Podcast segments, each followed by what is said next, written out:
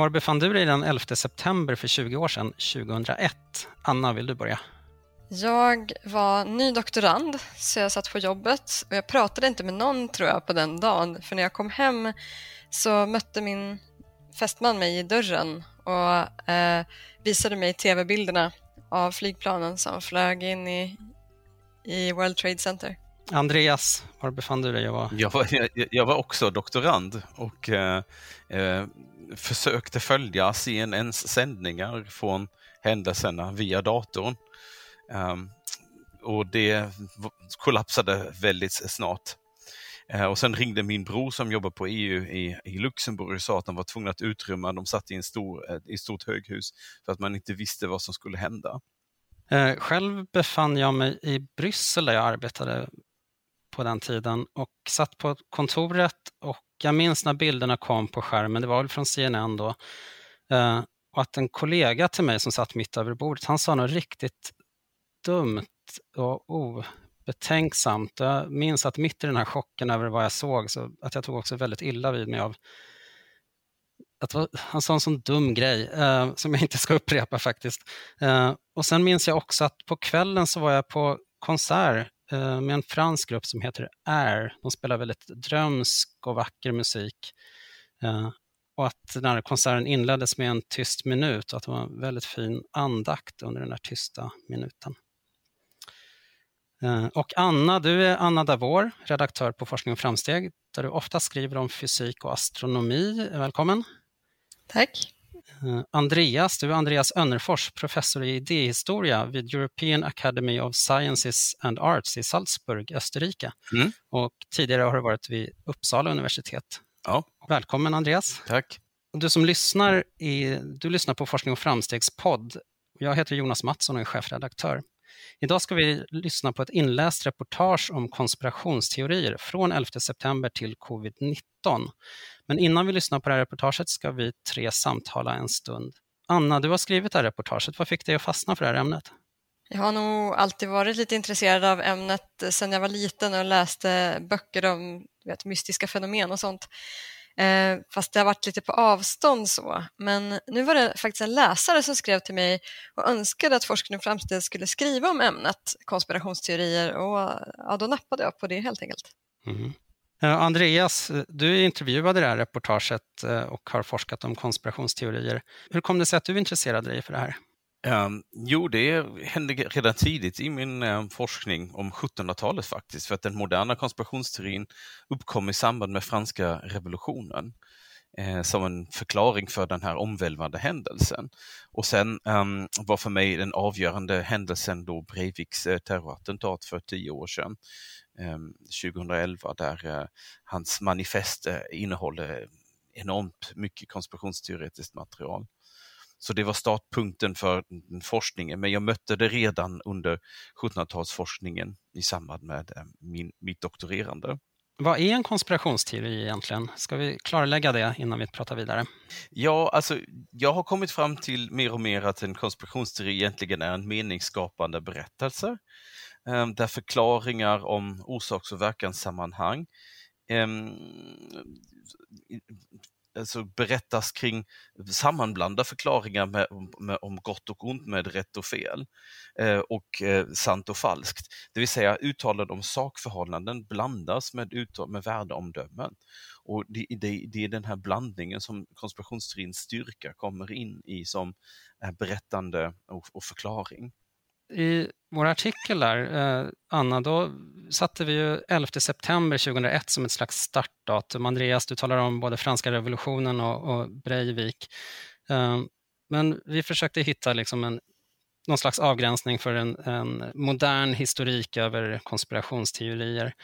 Eh, vad var det som hände där efter 11 september med konspirationsteorierna och den, liksom, det sättet att förklara världen? Eh, jag kommer fram till att eh, skillnaden egentligen inte är så mycket vad man gör och hur man tänker utan kommunikationen. Att det här var den stora händelsen som hände när internet fanns på plats och man ganska lätt kunde sprida sådana här konspirationsteorier att det liksom var skillnaden mot innan. Mm. Känner du igen det här Andreas? Ja, ja, absolut. Och sen håller jag... Eh, blev ehm, um, 9-11 en global händelse. Alla på jordklotet så att säga eh, i direktsändning kunde följa det hela. Um, och, och sen den, det uppkom inga nya konspirationsteorier i samband med 9-11, men de som, som alltid har funnits, den av den djupa staten, Deep State, den fick eh, förnyat eh, bränsle av den här händelsen. Och alltsedan dess har 9-11 förknippats med att det egentligen är makthavarna som manipulerar och för sina medborgare bakom ljuset. Ehm, och sen skulle man vilja, tycker jag också att man kan säga att eh, 9-11 inte bara för de vanliga eh, människorna på planet som, som, som vill tro att eh, makthavare manipulerar dem, utan det, det grundades också organisationer av ingenjörer som, som ville förklara att det som eh, hände, det vi såg på tv och på dator inte var sant. Så det är liksom också en, en ny kvalitet av konspirationsteoretisk, eh, konspirationsteoretisk organisation. Um, det kan vi jämföra i Sverige med Palme eh, Research eller eh, tsunamikatastrofen eller Estonia, där också folk som, som är tekniskt utbildade uttalar sig titt som tätt. Mm. Hur hänger det här ihop med det vi kan se idag kring pandemin till exempel, där det förekommer en del konspirationsteorier? Ja, det gör det ju därför att um, det är precis, om man, om man tänker sig att själva poängen är att man, man säger att eh, det är makthavarna som manipulerar eh, medborgarna. Eh, och den, den förklaringen som ges för varför um, de här Twin Towers egentligen rasar är eh, inte sann. Eh, då öppnar man dörren mot att ifrågasätta eh, den vetenskapliga expertisen. Och det är ju ett motiv som vi ser nu i covid-19 också. Det är en global händelse, det är massa experter som uttalar sig eh, och det finns genast en, en, en tanke kring att det här kan inte vara en objektiv sanning utan det här är manipulation. Anna, vad blev du mest förvånad över när du skrev det här reportaget?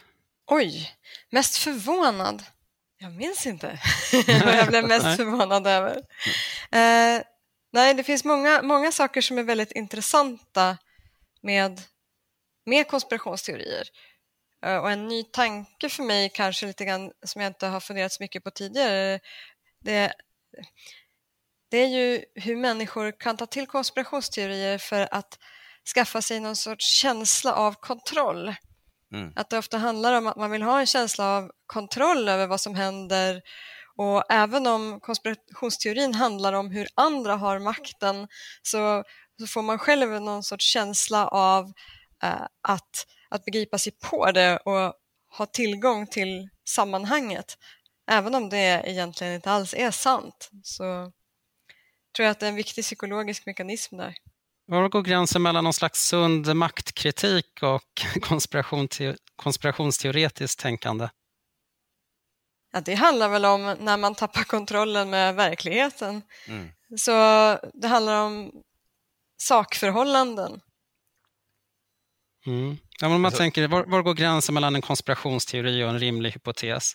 Om det visar sig att covid-19-viruset verkligen mm. har läckt från ett labb i Wuhan, eh, om än oavsiktligt, Eh, bekräftar det de här konspirationsteoretikerna som talar om labbläckor och så? Vad är, vad är skillnaden där? Nej, alltså, inte om vi kallar dem för konspirationsteoretiker eller de yttrar sig på sånt sätt att man kan, kan fastslå att det de säger är en konspirationsteori.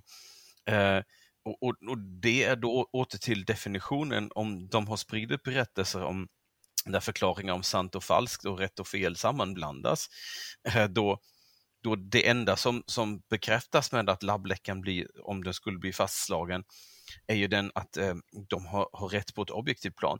Men den andra delen av berättelsen som handlar om att Bill Gates styr världen eh, och har, eh, i princip äger det här Wuhan ehm, eh, Institute of Virus Research, det blir inte bekräftat av, av att en, ett sakförhållande blir bekräftat som är bara en del av det hela. Mm bland de som är kritiska till eh, smittskyddsåtgärderna och till vaccinationer och så, där kan man ju se i de här demonstrationstågen som har varit, det är en salig blandning av, eller ohelig allians kanske, mellan, där det finns extremhöger och där finns eh, alternativmedicin och folk som håller på med yoga. Och det, är som, det är som två grupper som nästan all, som man inte brukar koppla ihop annars. De finns på varsin sida av något slags spektrum. Eh, hur, hur, hur händer det här?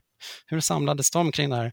Ja, exakt. Det är för att man delar världsbilden att eh, verkligheten är manipulerad av då de här andra, andra mm, eh, ja, alltså makthavarna till exempel.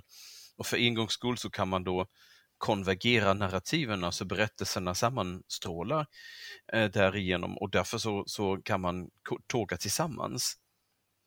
Eh, och tidigare, eh, om man tänker så, om, när det spreds konspirationsteorier kring flyktingkrisen, ehm, det var mer tydligt eh, högerfenomen och eh, annars finns det ju konspirationsteorier kring som har uttalats mot globala eliter på G7, G20 attackmöten och sånt här som mer ligger på ett vänsterplan. Men nu kan de prata med varandra så vi talar om en ideologisk skohorn där liksom extremerna är när, närmare varandra än, än någonsin.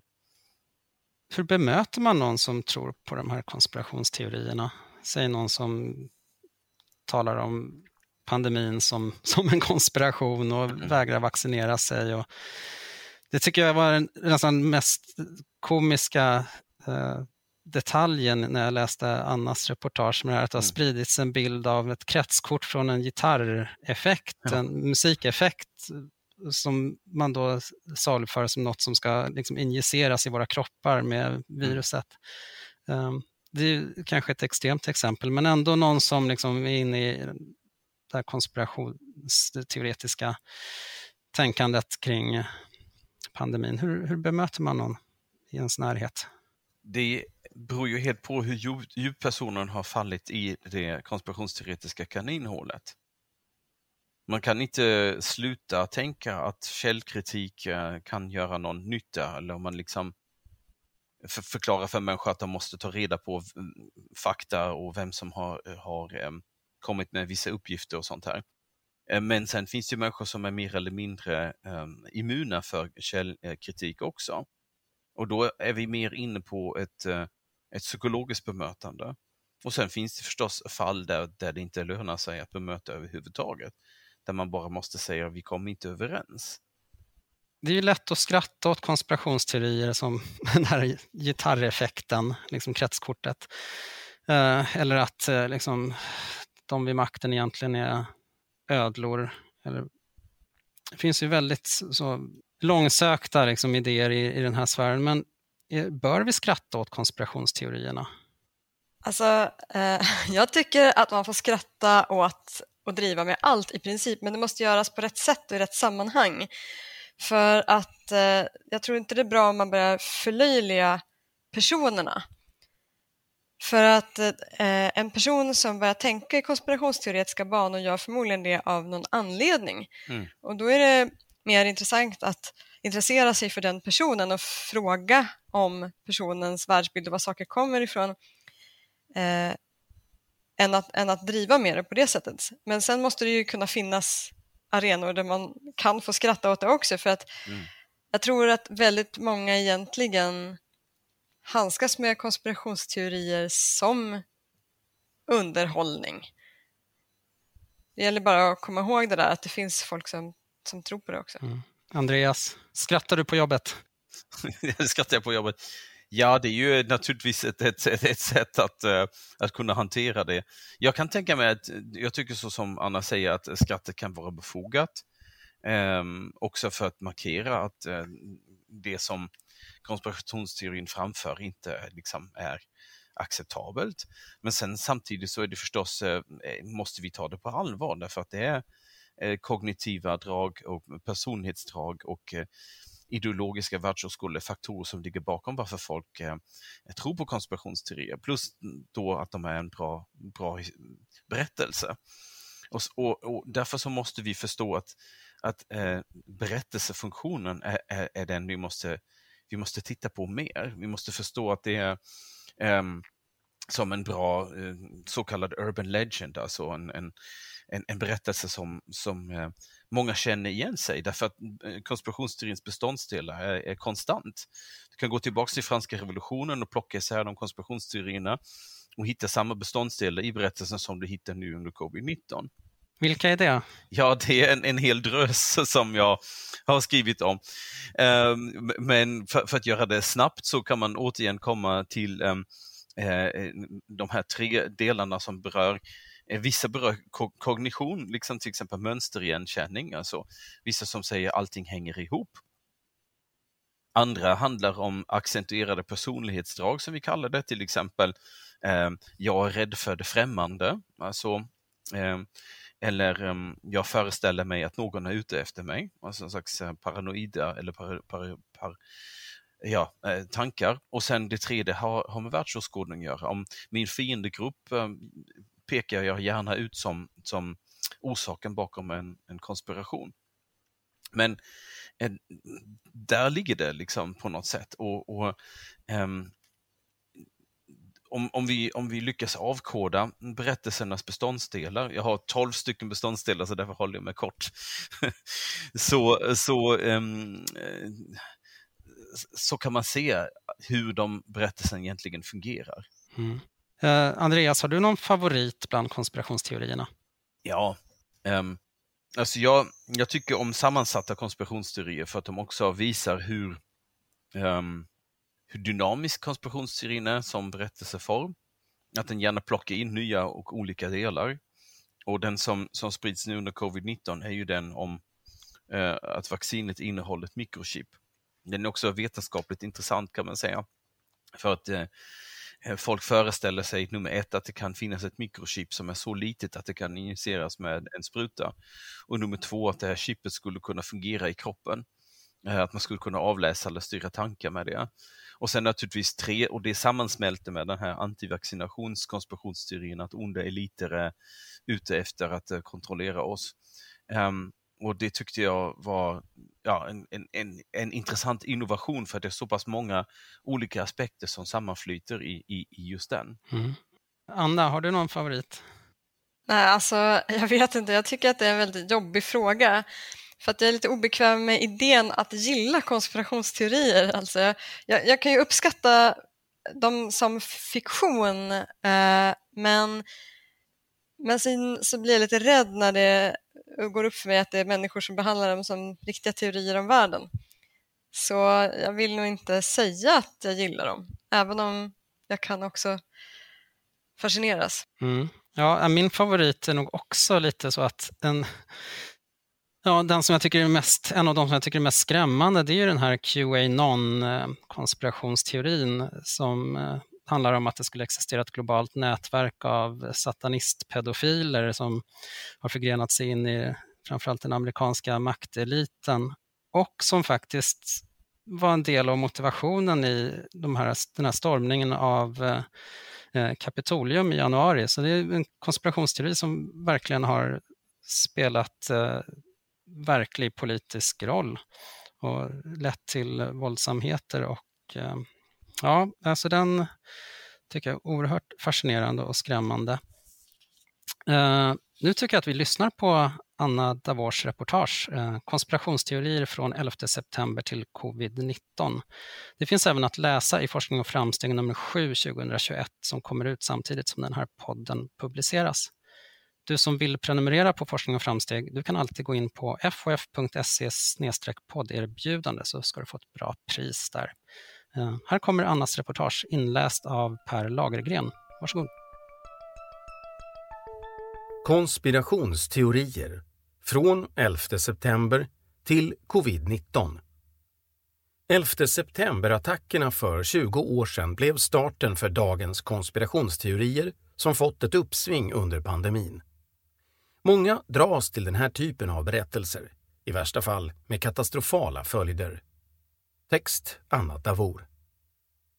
Morgonen den 11 september 2001 var 19 kapare redo att omsätta sin långa träning i handling. De steg ombord på fyra amerikanska passagerarplan för att ta över dem och använda dem som flygande vapen. Händelsen räknas som den största enskilda terroristattacken i historien. 2996 personer dödades, inräknat kaparna, och världshistorien tog en ny vändning. Ett krig mot terrorismen inleddes och de flesta av oss har blivit påverkade. om inte annat genom alla nya säkerhetskontroller på flygplatserna som infördes efter detta. Dammet hade inte ens hunnit lägga sig kring de kollapsade tvillingtornen innan människor började pussla med detaljer i skeendet och lägga fram teorier om vad som hade hänt. Många av dem nöjde sig senare med de officiella förklaringarna som kom fram. Bakom attackerna fanns en konspiration, en äkta sammansvärjning. Utöver kaparna involverade den flera samordnare och många människor omkring dem. Bakom alltihop stod den islamistiska terrororganisationen al-Qaida med dess ledare Usama bin Laden. Andra höll fast vid sina egna idéer som också handlade om sammansvärjningar. Vissa menar till exempel fortfarande att det var den amerikanska regeringen som låg bakom attackerna mot det egna landet. Några tror att tvillingtornen inte alls kollapsade av kraschande flygplan utan demolerades av sprängningar på insidan. Andra säger att det inte ens fanns några flygplan utan att de var hologram eller någon annan form av fejk. Trots många belägg för att de här idéerna inte stämmer lever de ändå kvar. Till skillnad från den verkliga konspirationen bakom 11 september-attackerna är dessa berättelser vad vi brukar kalla konspirationsteorier. Berättelser som försöker förklara världen så att allt hänger ihop genom okända krafter som styr världshändelserna i hemlighet. Vissa forskare föredrar att kalla dem konspirationsmyter. Konspirationsteorier frodas i osäkra tider och många av dem föds kring stora världshändelser. Forskare är oense om ifall de har blivit vanligare men de har i alla fall blivit synligare och spritts effektivare med internet och sociala medier. 11 september-attackerna blev ett avstamp för den nya tidens konspirationsteorier som frodas på internet. Osäkerheten under pandemin har också varit en grogrund för konspirationsteoretiska tankar. Under våren såg vi demonstrationer mot coronarestriktioner och vaccinationer som samlade en oväntad blandning av människor. Somliga med anknytning till extremhöger, andra med intresse av alternativmedicin. En förklaring till varför konspirationsteorier uppstår och sprider sig är att vi människor söker en orsak och avsikt bakom skeenden. Dessutom vill vi att avsikten bakom ska ha samma tyngd som effekten av en händelse. Idéhistorikern Andreas Önnerfors har våren 2021 skrivit en rapport om konspirationsteorier i samband med covid-19 på uppdrag av Myndigheten för samhällsberedskap, MSB. Han beskriver det här som en etisk proportionalitetsförväntan. Stora händelser måste ha motsvarande stora orsaker och det måste finnas en motsvarande illvillig avsikt bakom. Det kan vara helt rimligt att ställa frågor om detaljer kring 11 september-attackerna, om hur Estonia gick under eller varifrån coronaviruset sars-cov-2 ursprungligen kom. Men samma frågor kan lätt fångas upp och bli en del av konspirationsteoretiskt tänkande. Då vävs de samman till ett mönster av indicier i försök att påvisa hur allt hänger ihop med omfattande komplotter som vävs i löndom av ondsinta sällskap för att skada oss oinvigda. Forskare som studerar konspirationsteorier beskriver dem som meningsskapande berättelser som ger en känsla av sammanhang och samband och kanske också social gemenskap till den som kan hitta likasinnade. Människor är nämligen inte helt igenom rationella varelser, resonerar Andreas Önnerfors. Det vore jätteskönt om vi alltid vore tillfreds med logiska förklaringar, men så enkla är vi ju inte. Vi vill också ha moraliska förklaringar, säger han. En lockelse med vissa konspirationsteorier kan alltså vara att få ett facit på vad som är rätt och fel, gott och ont i vår svåröverskådliga tillvaro. Sedan urminnes tider har människor diktat upp berättelser som förklarar stora händelser och sökt efter avsikter bakom dem. Det vi känner igen som konspirationsteorier enligt dagens uppfattning uppstod under upplysningstiden på 1700-talet. Det är då man riktar strålkastarljuset mot hemliga sällskap och andra aktörer som påstås ligga bakom utvecklingen att kronan och kyrkan förlorar sin makt och att det politiska systemet blir radikalt omstöpt, säger Andreas Önnerfors. Istället för att hänvisa direkt till ödet eller till gudar började man klä de förklarande berättelserna i något som liknar filosofins eller vetenskapens sätt att resonera. Det ser vi också idag i exempelvis de konspirationsteorier som utvecklats kring coronaviruset och pandemin som ofta beskrivs med mängder av fotnoter, referenser och tekniska termer. Andreas Önnerfors deltog i det europeiska forskarnätverket Compact, Comparative Analysis of Conspiracy Theories, som under åren 2016 till 2020 samlade samhällsvetare, socialpsykologer, litteraturvetare, historiker med flera. En av deras lärdomar är att det inte är något vidare fruktbart att förlöjliga eller stigmatisera dem som tror på konspirationsteorier. I boken Conspiracy Theories and the Nordic Countries skriver de citat. Konspirationstänkande ska inte ses som ett tecken på personlig sjukdom utan hellre som ett sätt att handskas med den moderna världens komplexitet. Konspirationsteorin är därför ofta ett symptom på en uppfattad obalans mellan de mäktiga och de som står under deras makt." Slutcitat. Man behöver inte vara galen för att ta till sig konspirationsteorier. Enligt forskare i Compact-nätverket tror de flesta på något som vid närmare granskning kan se ut som en konspirationsteori. Att vissa människor går djupare in i konspirationstänkandet kan bland annat bero på särskilda personlighetsdrag. Människor som har lätt att tolka händelser som att världen är emot dem behöver inte vara paranoida i klinisk mening, men de lockas ändå lätt av föreställningar om att någon sett till att just de blir missgynnade. Andra hör till grupper med låg tillit och helt rimliga anledningar att förvänta sig att världen är mot dem. Antropologen Ela Draskiewicz vid den slovakiska vetenskapsakademin berättar i den brittiska vetenskapspodden The Anthill om hur konspirationsteorier kring vaccinet Gardasil fick fäste i Irland. Vaccinet skyddar mot humant papillomvirus som bland annat kan orsaka livmoderhalscancer. Men många hade mycket lågt förtroende för vården.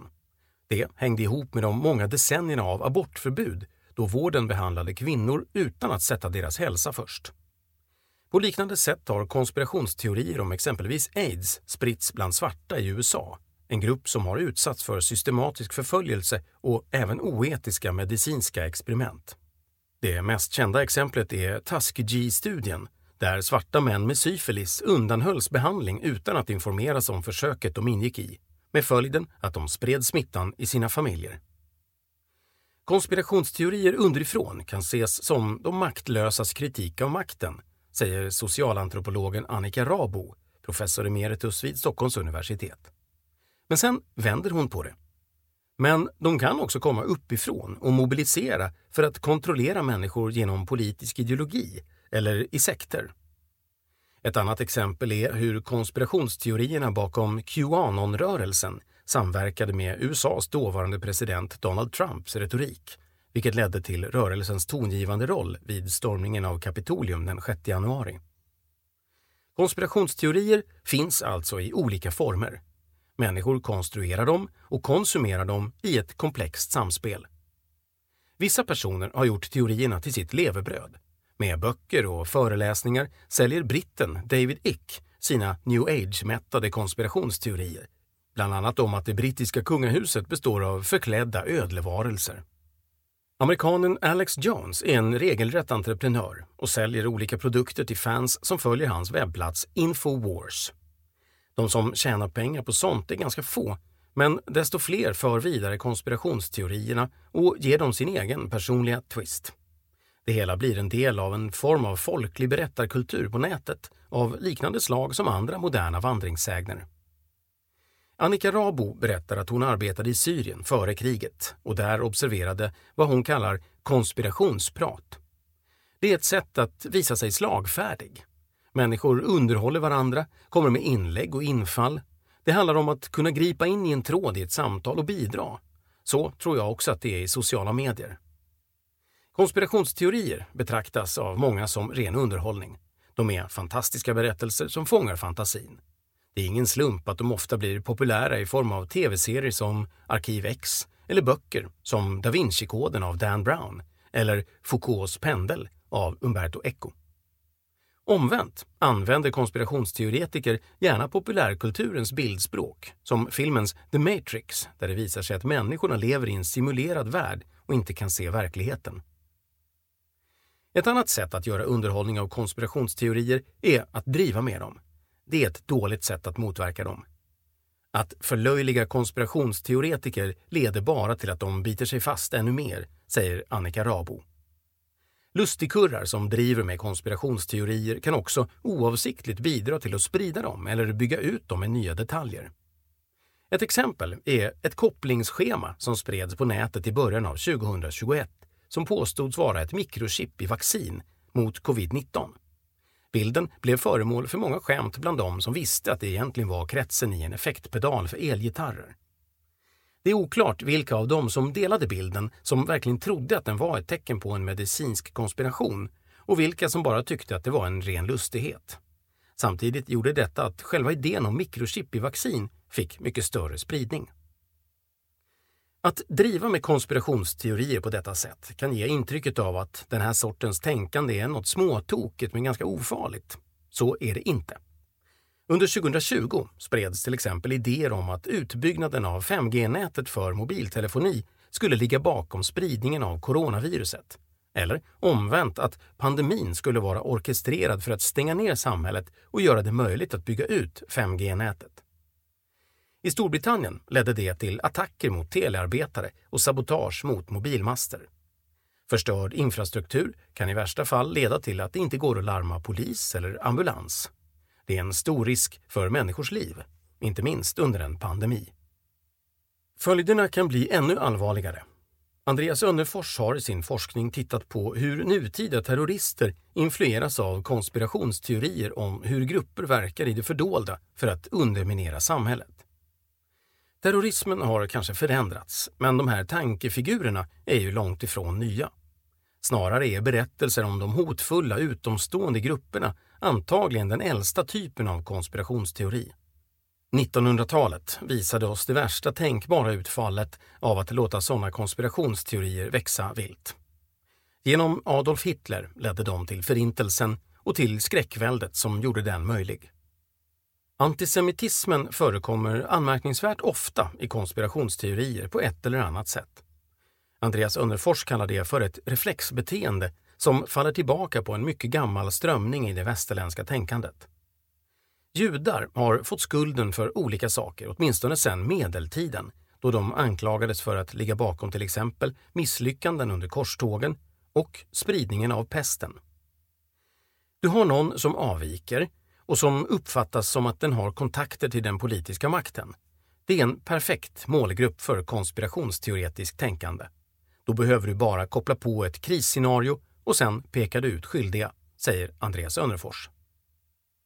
Coronapandemin blev ännu en stor världshändelse som gav upphov till osäkerhet och därmed en god grund för nya konspirationsteorier.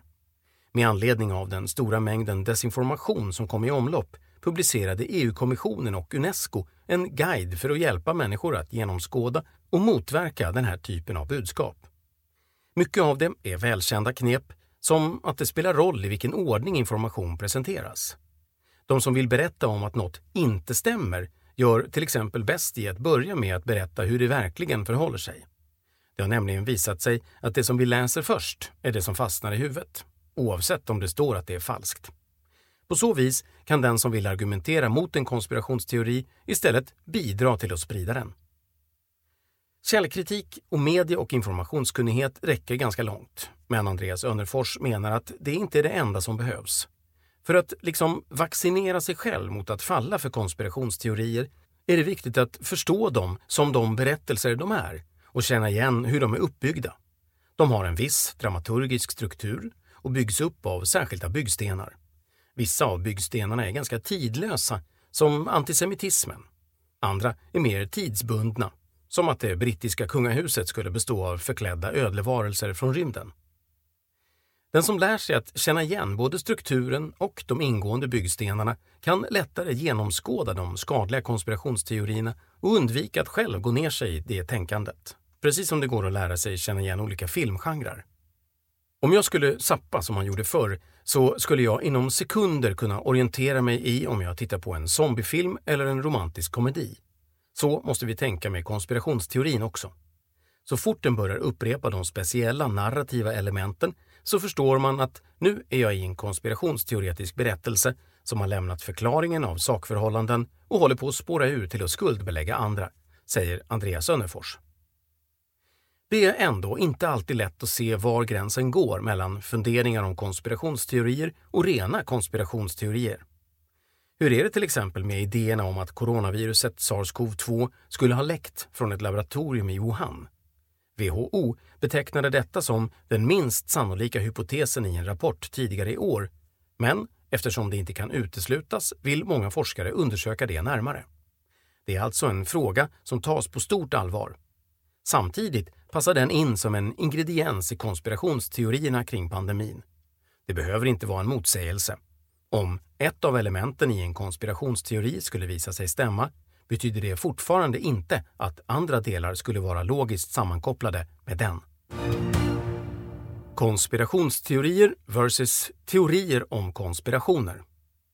En konspiration är en sammansvärjning. Flera olika personer bygger en gemensam komplott för att uppnå något visst mål, kanske genom brottsliga handlingar. Det finns många exempel på verkliga konspirationer. Konspirationer i verkligheten går ofta inte riktigt som planerat. När de avslöjas brukar det vara av etablerade institutioner, grävande journalister eller polisen. De har då teorier om konspirationer, det vill säga tankar och hypoteser att följa upp. En konspirationsteori är en berättelse som binder ihop olika händelser och företeelser till en meningsskapande berättelse om hur olika aktörer i hemlighet styr världshändelserna, kanske med onda avsikter. Konspirationsteorierna skildrar vanligen enorma nätverk som har full kontroll och som lyckas hålla det mesta hemligt. Enligt berättelsens logik är samhällets institutioner ofta inblandade. Så bemöter du konspirationsteorier. Var medveten om att konspirationsteorier och felaktig information förekommer. Informera andra om det. Välj dina strider. Fokusera på att bemöta sånt som kan ha allvarliga följder eller som påverkar människor mycket. Försök förstå personen du pratar med och varför hen tror det hen tror. Förlöjliga inte. Visa empati. Personen kan vara genuint orolig och rädd. Ställ detaljerade frågor om teorin och vad den grundar sig på för att sätta igång självreflektion. Ta om möjligt hjälp av personer som tidigare bekänt sig till samma konspirationsteori men lämnat den. Pressa inte för mycket, ge tid för eftertanke. Dela inte vidare felaktig information ens för att invända mot den. Du kan i så fall bidra till att göra felaktigheten mer livskraftig. Så känner du igen en konspirationsteori. Konspirationsteorier kan ha olika innehåll men är uppbyggda på likartat sätt. 12 komponenter i konspirationsteorier. Idéhistorikern Andreas Önnerfors listar typiska drag för en konspirationsteori. Mönster. Allting hänger ihop. Plan. Allting händer avsiktligt. Sammansvärjning. Några har planerat detta tillsammans. Onda avsikter. Det finns onda avsikter riktade mot det allmänna bästa. Hemlighet. Planen har förberetts i hemlighet för att föra oss bakom ljuset. Bevis. Det finns belägg för att konspirationen finns. Dualism. Vi befinner oss i en värld av absoluta motsatser mellan gott och ont. Syndabockar. Någon annan är skyldig till det dåliga som händer oss. Demonisering. Dessa andra skyldiga är onda och omänskliga. Systemkollaps. Vi befinner oss nära en systemkollaps. Sanningssägare. Konspirationsteoretiker ser sig som sanningssägare som väcker upp de sovande massorna. Bildspråk. Budskapet kommuniceras med ett tydligt bildspråk. Och därmed är vi tillbaka vid mönster igen. Tre faktorer som lockar. Den brittiska socialpsykologen Karen Douglas har identifierat olika motiv som gör att människor dras till konspirationsteorier. Ger känsla av kunskap. Konspirationsteorin ger förklaringar som får en att känna sig upplyst eller insatt i vad som pågår i världen. Ger socialt sammanhang. Konspirationsteorin ger ett sammanhang och hjälper en att passa in och höra till, att ha positiva känslor om sin egen grupp i samhället. Ger existentiell mening. Konspirationsteorin hjälper en att känna kontroll över sin situation och hantera maktlöshet. Du har lyssnat på ett samtal och ett reportage från Forskning och framsteg. För att prenumerera på Forskning och framsteg, gå in på FOF podderbjudande. Rösten i reportaget är Per Lagergrens. Medverkade i samtalet gjorde Andreas Önnerfors, professor i idéhistoria, och Forskning och framstegs Anna Davor. För ljudteknik, klippning och vignett står Per Dahlhjelm. Jag heter Jonas Mattsson och är chefredaktör för Forskning och framsteg. Tack för att du lyssnade.